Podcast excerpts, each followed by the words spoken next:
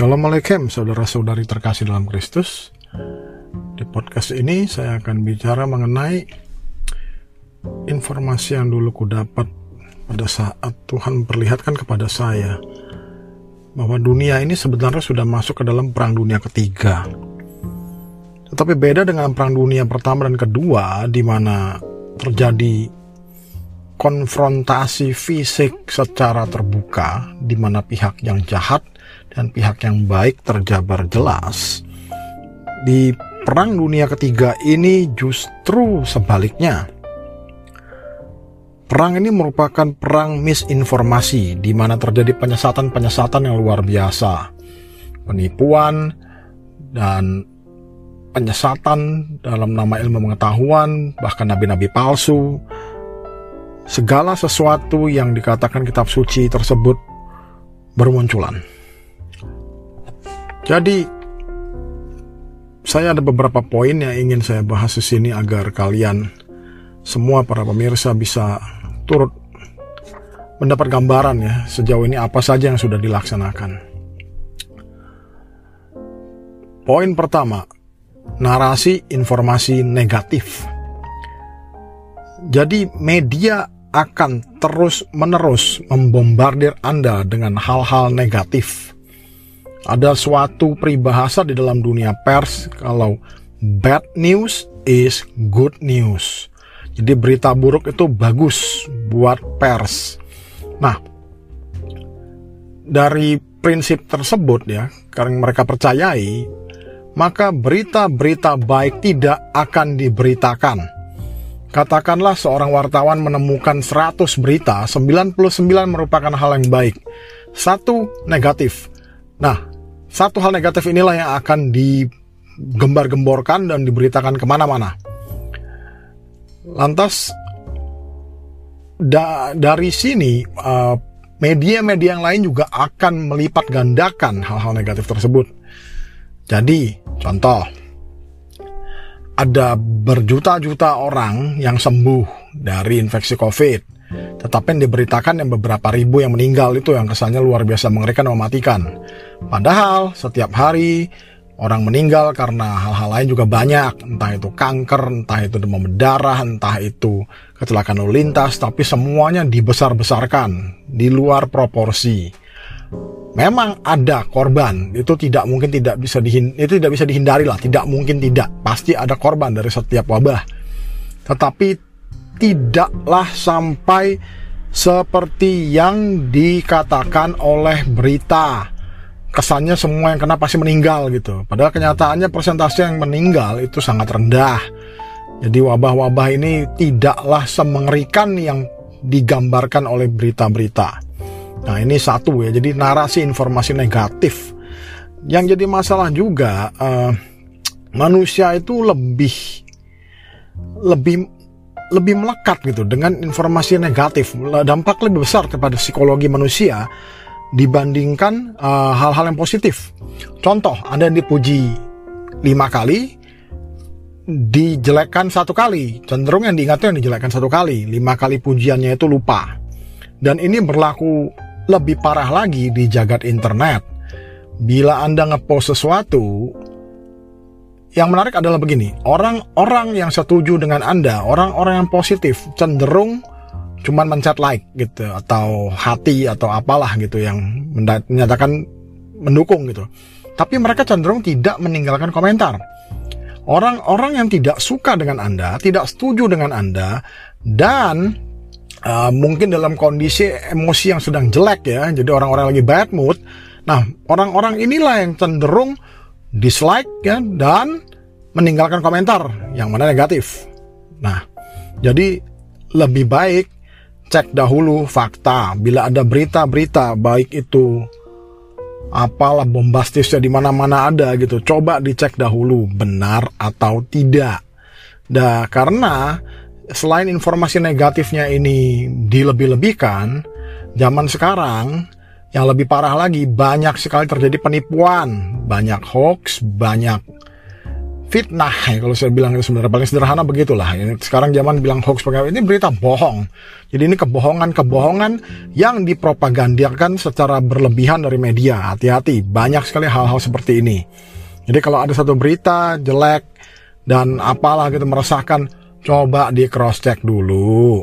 Dan ini tidak hanya untuk berita jelek sih kalau menurut saya semua berita saya cross check dahulu benar atau tidak. Bila memang tampaknya ya dengan dengan narasumber ke sana sini oh iya lu ini kelihatannya 99% benar gitu misalnya ya. Ah, bolehlah anda teruskan. Bolehlah anda repost. Bolehlah anda forward.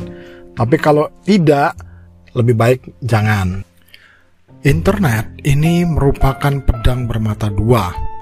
Selain penyebaran informasi yang luar biasa juga memungkinkan penyebaran misinformasi yang luar biasa karena ini pentingnya bagi kita untuk menjadi editor bagi berita yang kita serap. Sebelum ada era internet, buku, koran, majalah, apa pun itu, semua artikel yang diterbitkan mereka harus melewati sejumlah proses untuk cek, cross check, recheck, diedit, non editor semua sudah memastikan segalanya baik, baru bisa dipublikasikan. Dengan adanya internet ini, siapa pun menjadi content creator. Internet memberikan kekuatan bagi siapa pun untuk menerbitkan berita, menerbitkan artikel, menerbitkan informasi, terlepas dari itu benar atau tidak. Bagi orang-orang yang betul-betul baik hati dan sungguh ingin memberikan informasi yang baik, ini merupakan kekuatan luar biasa tetapi bagi pihak-pihak yang menyelewengkan, ini juga menjadi senjata yang sangat-sangat mengerikan. Karena dengan ini sangat mudah bagi mereka untuk menyadakan misinformasi dan penyebaran berita-berita bohong yang menyesatkan atau informasi-informasi salah yang menyesatkan juga. Sederhananya, zaman internet ini memudahkan penyebaran informasi baik itu benar maupun salah baik yang meluruskan maupun menyesatkan. Jadi harap berhati-hati dan milikilah kebijaksanaan. Mohonlah kepada Tuhan untuk diberkati dengan roh kebijaksanaan agar kita dapat memilah-milah mana yang benar, mana yang salah. Dan untuk saya punya pribadi, prinsip saya pribadi ya, berita negatif berhenti di saya. Jadi kalau ada berita-berita yang jelek, nyampe ke saya, stop, saya nggak akan forward lagi karena hal-hal tersebut hanya memberi dampak negatif kepada psikologi orang-orang yang membaca. Katakan begini, satu orang lagi bahagia nih, wah saya lagi, saya senang banget tetangga saya kasih saya kue misalnya gitu ya, dia bahagia. Terus tahu dia dapat WA bejibun gitu, message-message yang isinya negatif. Secara tidak sadar itu akan mempengaruhi, waduh dunia jelek ya, dunia mau kiamat ya dan sebagainya gitu. Penuh hal-hal buruk. Padahal kenyataannya kan tidak gitu loh. Dia baik-baik dan dia baru mendapat berkat gitu loh dari tetangganya. Dan di dunia itu memang begitu. Matahari bersinar, ya. Anda masih bisa bekerja, kayak catatannya begitu ya istilahnya ya. Hidup Anda baik-baik saja, syukurilah. Dan lupakanlah semua berita-berita itu yang di forward desanasin yang isinya rata-rata negatif. Karena itu saya hanya meneruskan hal-hal yang positif kecuali ya berita itu konfirmasi gitu ya benar-benar berbahaya gitu. Misalnya terjadi kecelakaan di ruas jalan mana gitu jadi jalan macet habis-habisan. Oke okay lah saya forward gitu karena itu informasi yang berguna harap menghindari jalan tersebut gitu kan. Nah kalau lain-lain saya tidak akan forward. Karena percuma, dunia ini sudah terlalu banyak dibombardir oleh informasi negatif. Jangan tambah jelek itu loh. Sebarkanlah kasih. Ingat, kita sebagai anak-anak Tuhan, murid-murid Yesus Kristus, kita punya kewajiban untuk menabur kasih. Perhatikan juga prinsip tabur tuai ya, terserah ada orang yang bilang itu karma atau apa. Tapi siapa pun menabur, dia akan menuai. Dan Tuhan memberkati taburan kita 30, 60, 100 kali lipat kalau Anda menabur kasih, tuayan Anda dapat juga begitu. Kalau Anda menabur musibah, menabur kebencian, menabur berita bohong, menabur negativitas, jangan heran kalau hidup orang-orang ini akan kena masalah juga. Karena apa yang mereka tabur bukanlah hal-hal yang baik. Ingat, taburkan kasih dahulu, ya. Kalau Anda menabur kasih, Anda baru bisa menuai kebaikan, Anda baru bisa menuai kasih juga. Kalau Anda tidak menabur hal-hal yang baik, bagaimana kita bisa menuai kebaikan? Oke? Okay? Nah, poin dua. Dunia kelebihan populasi ya, overpopulation. Ini juga mitos. Dunia dibilangnya akan hancur karena terlalu banyak manusia. Wah, tidak akan cukup sumber daya, dunia akan hancur dan sebagainya dan seterusnya dan seterusnya dan seterusnya. Saya udah nggak ingat lagi. Terlalu banyak hal-hal negatif di seputar mitos overpopulasi. Kenyataannya, overpopulasi hanya terjadi di beberapa titik tertentu, terutama di kota-kota besar di dunia, dan itu pun tidak semua kota. Contoh, Jakarta overpopulasi, betul terlalu banyak manusia berjubel di dalam berjejal-jejalan di satu daerah. Nah, masalahnya kalau Anda pernah jalan dari Jakarta sampai ke Merak, pelabuhan, itu ada satu potong jalan yang sangat jauh dan kosong. Paling banyak cuman ada sawah kiri kanan dan tidak tampak sama sekali perumahan atau apa pun itu. Jadi masih banyak daerah yang kosong. Dan itu di Jawa yang paling padat penduduknya di seluruh Indonesia. Kalau Anda lihat Kalimantan Timur satu provinsi hampir seluas Jawa. Jadi secara statistik seluruh penduduk Indonesia bisa masuk ke dalam pulau Kalimantan saja dan itu pun tidak berjejal-jejalan.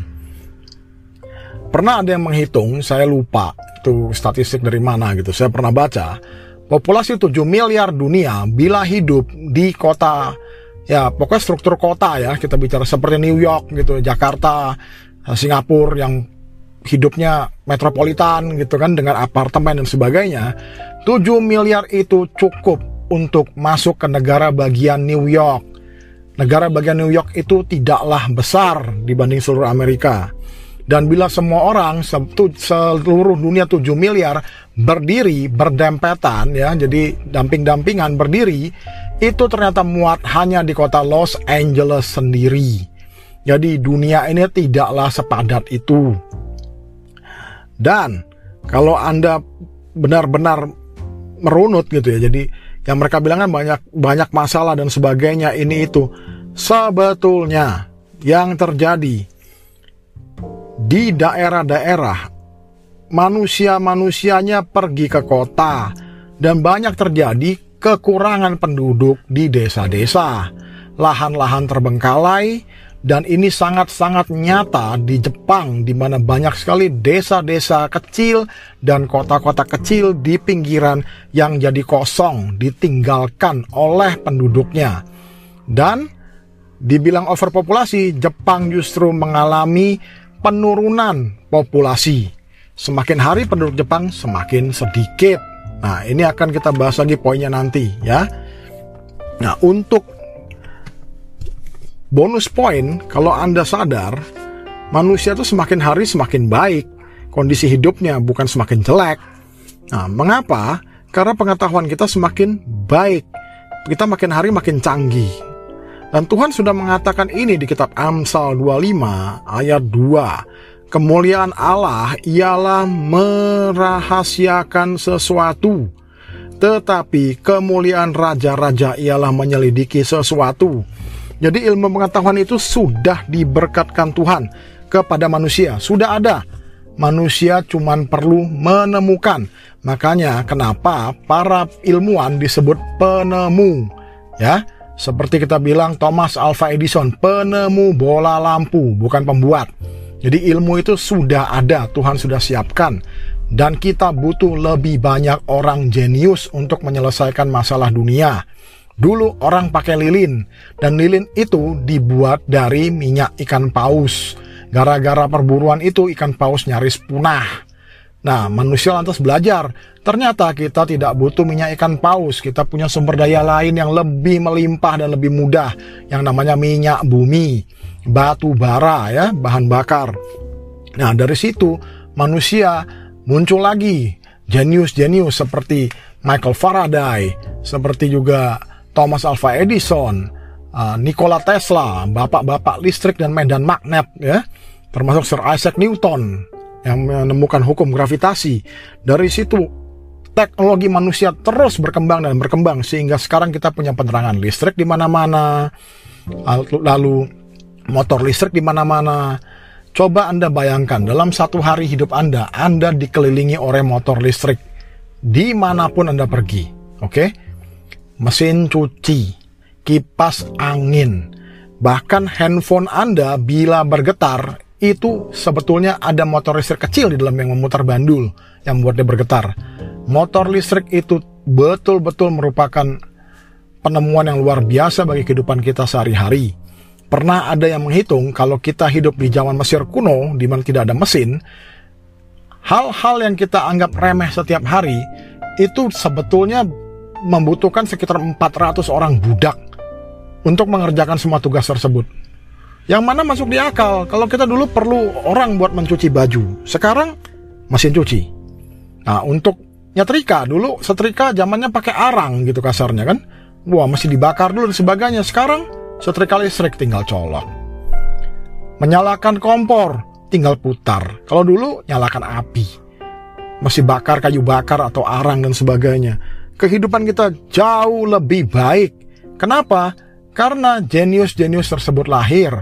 Populasi dunia semakin tinggi, jumlah jenius semakin banyak. Karena manusia-manusia jenius ini persentasenya lumayan tetap gitu mungkin satu dari sejuta atau berapa gitu ya. Saya nggak ingat persisnya, tapi persentasenya lumayan tetap.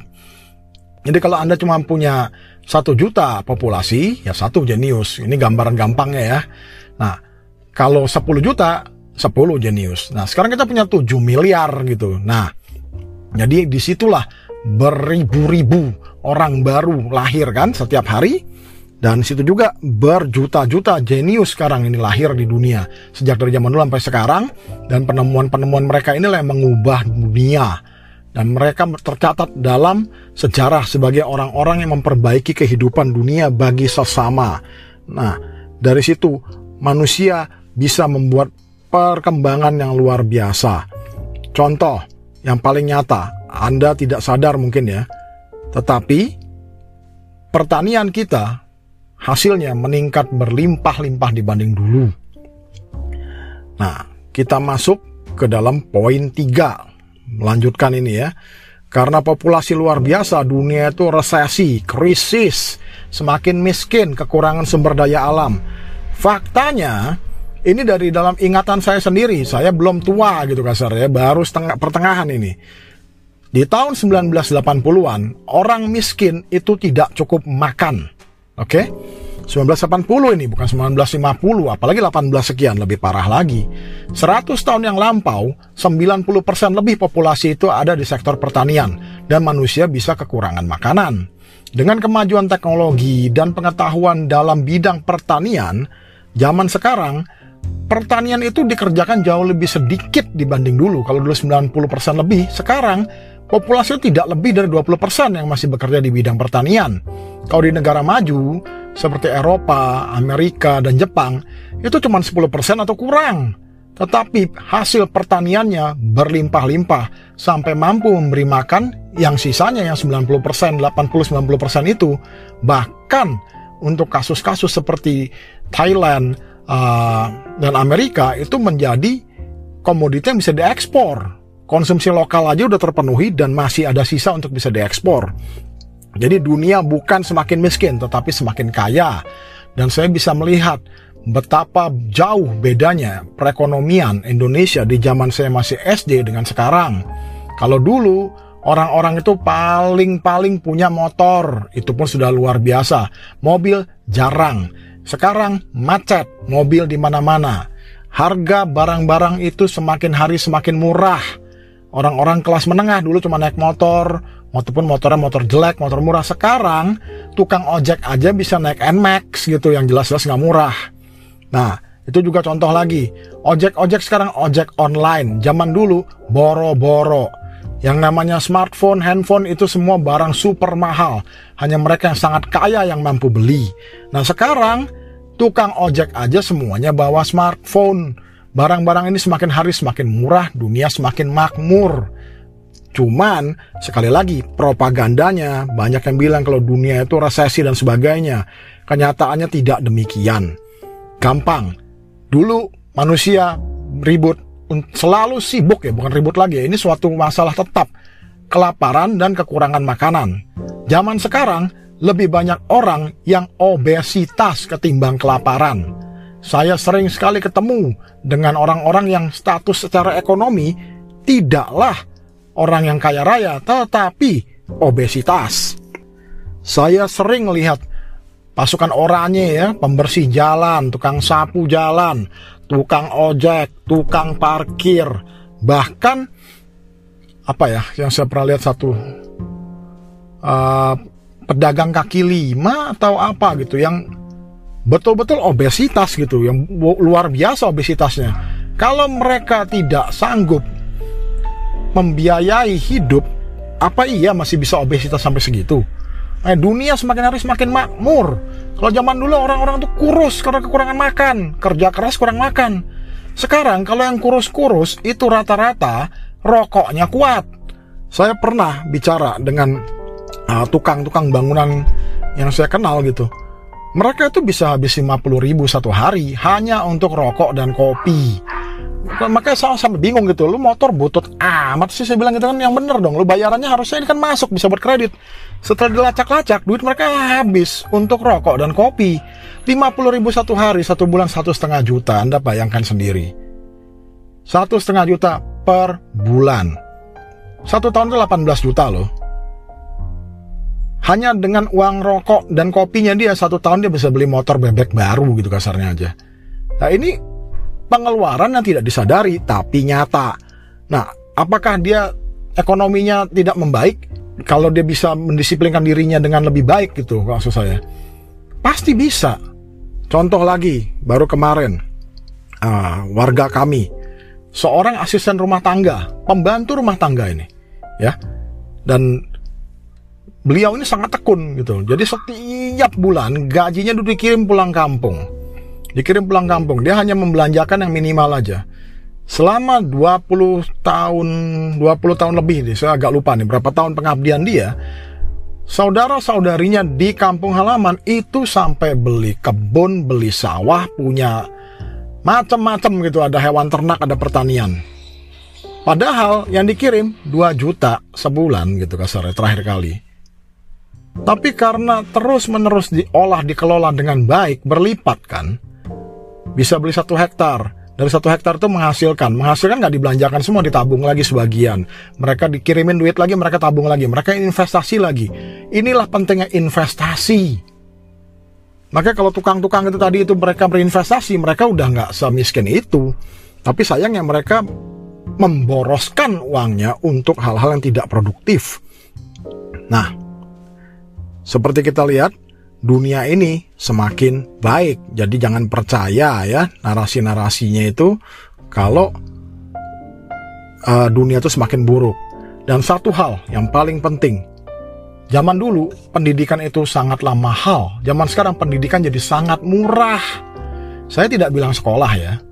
Sekolah-sekolah favorit memang harganya makin mahal. Kenapa? Karena tuntutannya tinggi. Setiap produk yang dicari-cari banyak orang, harganya tinggi. Permintaan besar, supply terbatas, harga boleh naik, tak orang berebutan beli. Tapi kalau Anda sungguh-sungguh mencari ilmu, ini adalah zamannya surga untuk belajar. Karena begitu banyak ilmu pengetahuan gratis tersedia secara online.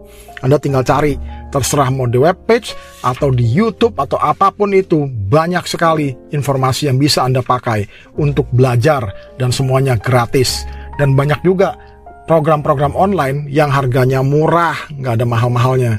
Jadi kalau memang mau belajar, inilah masa-masa yang terbaik untuk menimba ilmu. Mitos nomor 4. Dunia semakin rusak karena ulah manusia, populasi harus dikurangi. Jawabannya bukan begitu. Dunia semakin rusak itu karena orang miskin pilihan antara melestarikan lingkungan ya, gambarannya gini deh. Kalau satu orang miskin, bulan depan bisa jadi bayinya nggak makan. Apa yang harus dilakukan untuk bertahan hidup? Nah, mungkin masuk hutan lindung gitu kan? menangkap hewan langka, hewan yang dilindungi, dijual, ada duit. Demi apa? Menyambung hidup. Jadi kalau memang dunia ini rusak, itu lebih karena faktor ekonomi. Cara terbaik untuk melindungi lingkungan hidup adalah dengan perbaikan ekonomi. Berikan mereka lapangan pekerjaan yang baik. Ajari orang-orang ini cara bercocok tanam yang efisien, tepat, dan produktif otomatis mereka tidak perlu lagi berjuang sedemikian keras untuk bertahan hidup. Kalau orang itu sudah tenang, cukup makan, mereka tidak akan begitu membabi buta merusak lingkungan. Memang ada faktor ketamakan manusia.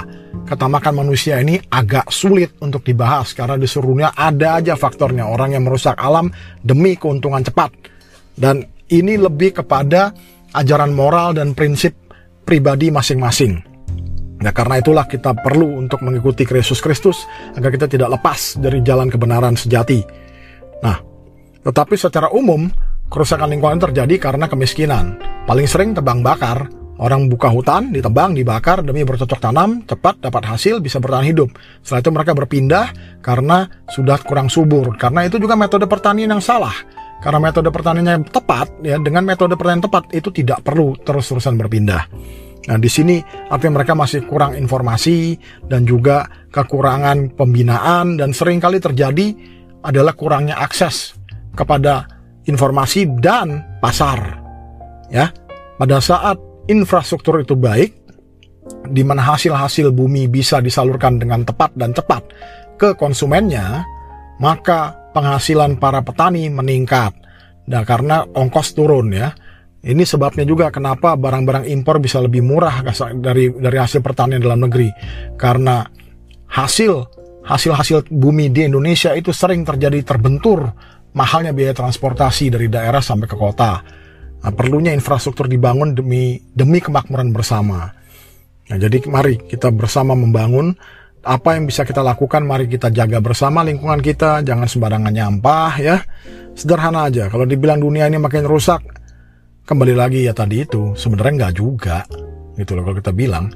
Kalau dibilang dunia ini makin rusak kerusakan itu malah justru agak mendingan sekarang. Karena kesadaran akan lingkungan hidup itu meningkat drastis pada saat ekonomi membaik pada saat kemakmurannya itu lebih tinggi orang itu akan lebih sadar lingkungan otomatis perhatikan aja setiap negara-negara yang peduli pada lingkungan itu negara yang ekonominya makmur contoh negara Eropa ya Amerika Kanada Jepang Cina dulu paling tidak peduli lingkungan hidup. Kenapa? Melarat. Sekarang sudah mulai makmur. Peduli nggak? Sangat peduli. Mereka melakukan penghijauan besar-besaran. Yang paling menarik, gurun-gurun pasir di dunia yang dulu mitosnya di tahun 80-an ini saya masih ingat, saya masih SD soalnya. Itu akan dibilangnya gurun, gurun Sahara itu akan melu, terus meluas, akan membesar suatu hari bisa menelan dunia bahkan mitosnya. Kenyataannya, gurun tersebut justru menciut Nah, begitu juga gurun-gurun di Cina daratan menciut. Mengapa? Manusia semakin cerdas, mendapatkan kebijaksanaan seperti tadi ya, sudah menemukan pengetahuan sejati dari Tuhan dan berhasil memperbaiki lingkungan hidup. Justru makin hijau, penanaman pohon di mana-mana. Kalau dulu orang membabat hutan asli untuk industri, sekarang kita punya namanya hutan tanaman industri. Itu sebenarnya sama aja kayak sawah ladang. Lahan pertanian hanya saja komoditi yang ditanam merupakan pohon-pohonan yang dipakai untuk industri. Jadi tidaklah merusak hutan alami. Nah, manusia makin makin bijaksana, makin pintar dan makin menguntungkan, makin efisien. Jadi dunia kalau dibilang makin rusak tidak juga. Dan kita makin hari juga makin bagus ya dalam memanfaatkan energi. Dulu pembakaran dengan batu bara untuk pembangkit listrik, lantas kita mulai beralih kepada gas, yang sekarang juga udah nuklir, energi alternatif saya yakin suatu hari kita akan menemukan suatu sumber energi baru yang terbarukan, murah, dan luar biasa lah di mana-mana ada gitu dibandingin zaman dulu ya. Lantas poin 5. Karena bicara tentang perang dunia ketiga, nah ini poin yang paling paling unik yang tidak saya sadari. Tujuan dari setan adalah memusnahkan manusia. Mereka sudah lakukan itu melalui wabah, ya, perang, kekerasan, kekacauan. Tetapi tidak ada yang lebih sukses dari runtuhnya nilai-nilai kekeluargaan. Kita tahu dari waktu ke waktu manusia itu semakin hari semakin sedikit jumlah kelahirannya. Tuhan memerintahkan kepada Adam dan Hawa untuk beranak cuculah dan penuhilah dunia. Tetapi orang zaman sekarang anaknya paling-paling satu, dua. Dibutuhkan angka kelahiran 2,1 dalam populasi untuk mempertahankan jumlah populasi. Di bawah itu populasi akan menurun. Dan ini terjadi di seluruh dunia. Tren-tren di mana negara tersebut makin maju, makin tinggi pendidikannya, angka kelahiran semakin sedikit. Jepang sudah mengalami itu selama beberapa generasi dan populasi mereka sudah menyusut cukup jauh dibanding dahulu. Dan ini juga semakin apa ya, ada terjadi akselerasi gitu loh, percepatan akan penurunan jumlah penduduk. Angka kelahirannya turun terus. Dan saya tidak tahu persisnya bagaimana ya. Tetapi paham untuk sedikit anak itu jadi suatu yang sangat populer. Sebagian karena tekanan ekonomi di kota-kota, yang biayanya semakin hari semakin membumbung karena terlalu padatnya orang berkumpul di kota-kota. Ya, jadi terjadi tidak merata, ketidakmerataan penyebaran manusia. Di lain pihak, saya merasakan adanya suatu paham-paham yang disebarkan secara sengaja begitu. Jadi kalau di Indonesia tidak begitu terasa ya, tapi kalau di Amerika dan Eropa itu sangat-sangat jelas gitu, campur baur gitu. Kalau anak itu dianggap menjadi beban. Jadi kalau untuk menikmati hidup, suami istri itu ya jangan punya anak, Anda baru bisa menikmati hidup. Jadi lebih tepatnya bukannya tidak mampu, tapi tidak mau gitu loh. Kalau orang-orang memang tergenjat secara ekonomi ya, benar-benar nggak mampu, nggak sanggup, oke, okay, kita bisa pahami, kita bisa terima. Tapi ini bukan gitu, benar-benar ya tidak bersedia saja. Karena merasa kalau saya punya anak, ya saya terbebani, saya mau menikmati hidup sebebas-bebasnya. Dan ini paham yang sudah tersebar luas di kalangan generasi muda gitu dan meresap gitu masuk ke bawah sadar kalau untuk mengalami mutu kehidupan lebih tinggi, jangan punya anak. Nah, ini ini fatal gitu loh. Anda bayangkan ya, ekonomi seperti Jepang misalnya, yang semakin hari semakin nyusut populasinya. Lantas siapa yang akan merawat orang-orang tua tersebut? Banyak bidang-bidang pekerjaan yang sudah kehabisan penerus di Jepang. Hanya sektor-sektor industri tertentu yang tumbuh. Kebanyakan menyusut. Kalaupun nggak mau bertumbuh pun ya jangan sampai menyusut lah intinya begitu kan. Saya nggak tahu deh, ke depannya mungkin ini bisa diatasi dengan masalah teknologi baru, dengan solusi teknologi baru ya untuk menyelesaikan masalah populasi yang menyusut ini. Karena ada suatu riset yang melihat tren ini pertumbuhan penduduk itu akan memuncak di sekitar angka 9 miliar. Dan setelah itu akan mulai menyusut dan akan terjadi suatu stabilitas di angka 8 atau 6 miliar gitu tergantung kondisi waktu itu.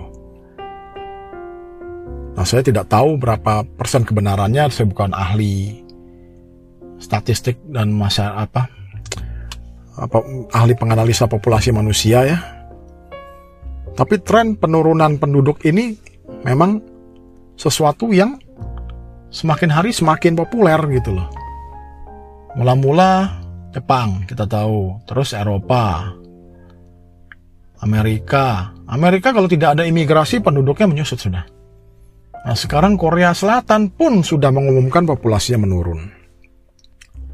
Untuk Indonesia yang masih berkembang ini, kita bisa lihat ya, terobosan-terobosan itu semuanya dilahirkan oleh generasi-generasi muda yang paham teknologi. Paradigma-paradigma lama itu runtuh gitu loh. Anda lihat aja ojek online, supermarket online ya, pasar online. jasa-jasa online itu semua generasi muda. Generasi saya aja udah nggak bisa gitu, nggak nggak nggak nyampe gitu, karena kita lahir sebelum zaman internet itu populer ya. Internet itu ditemukan waktu saya udah mulai kuliah soalnya. Di usia saya 40 lebih ini terasa sekali gitu betapa kurangnya saya untuk mengikuti tren dari internet. Anak saya itu bisa live streaming di platform-platform apa saya udah nggak paham juga. Saya mentok cuman baru bikin podcast sama YouTube begitu. Mereka sudah berpindah-pindah platform dari satu ke yang lain. Orang menurut dia tuh kalau Facebook untuk generasi orang tua kok makanya. Nah, kalau Instagram baru generasi muda. Sekarang pindah lagi nggak tahu lagi platform apa. Di sini menonjol, menunjukkan betapa cepat perkembangan zaman sekarang ini. Terjadi suatu percepatan perkembangan kebudayaan manusia yang belum pernah terjadi sebelumnya. Di zaman dulu, informasi itu mahal luar biasa. Kalau Anda tahu, zaman dulu itu sangat sulit untuk mendapatkan informasi. Apalagi di zaman buku belum ada. Informasi itu luar biasa susahnya. Catatan-catatan manuskrip itu bisa jadi prasasti, jadi sangat susah untuk dipelajari dan disebarkan. Pada saat buku sudah ada, informasi mulai menyebar dengan cepat sekali dan kebudayaan manusia mengalami perkembangan yang luar biasa. Tetapi buku itu masih mahal. Orang masih harus sekolah dan sebagainya yang mana semuanya menuntut biaya. Sekarang asal Anda punya akses internet, Anda punya akses kepada ilmu pengetahuan tanpa batas. Dan akses internet sekarang ini sudah murah luar biasa. Tinggal bagaimana kita memanfaatkannya dengan bijaksana atau sia-sia. Karena banyak orang yang cuma ngabisin waktu berjam-jam di sosial media, ngabisin kuota untuk hal-hal yang tidak memperkaya diri sendiri gitu, tidak memperbaiki kualitas pribadi. Jadi waktu dan biaya kita sama semua pun alokasinya sangat-sangat penting. Kembali lagi seperti faktor tukang tadi yang habis semua duitnya hanya untuk rokok dan kopi. Versus tetangga saya yang pembantu yang bisa menabung sampai saudara-saudarinya di kampung jauh lebih makmur dari sebelum dia uh, dari sebelumnya gitu. Jadi kembali semua ada di tangan kita. Sebagai anak-anak Tuhan, mari kita semua berdoa ya, mengumpulkan iman dan pengetahuan kita mohon petunjuk kepada Tuhan agar kita semakin diberi kebijaksanaan karena kalau kita tidak mempunyai kebijaksanaan, segala sesuatu yang menjadi sia-sia. Ingat, kebijaksanaan itu adalah kemampuan untuk membedakan yang baik dan yang benar. Seperti pada saat Salomo berdoa kepada Tuhan. Ya kan? Dia bilang, berikanlah aku hati yang bisa membedakan hal yang baik dan yang jahat. Ya, sorry, bukan baik dan benar, baik, yang benar dan salah ya. Hati yang membedakan hal yang benar dan salah. Nah, Tuhan bilang, bagus karena engkau memohon kebijaksanaan jadi Tuhan yang memberikan definisi dari kata itu, itulah kebijaksanaan. Ya. Kalau kita bisa membedakan mana yang benar, mana yang salah, maka tentu kita akan bisa memanfaatkan semua sumber dalam hidup kita dengan efektif dan efisien demi semakin bertambah-tambahnya kemuliaan Tuhan, ya. Terima kasih Tuhan memberkati.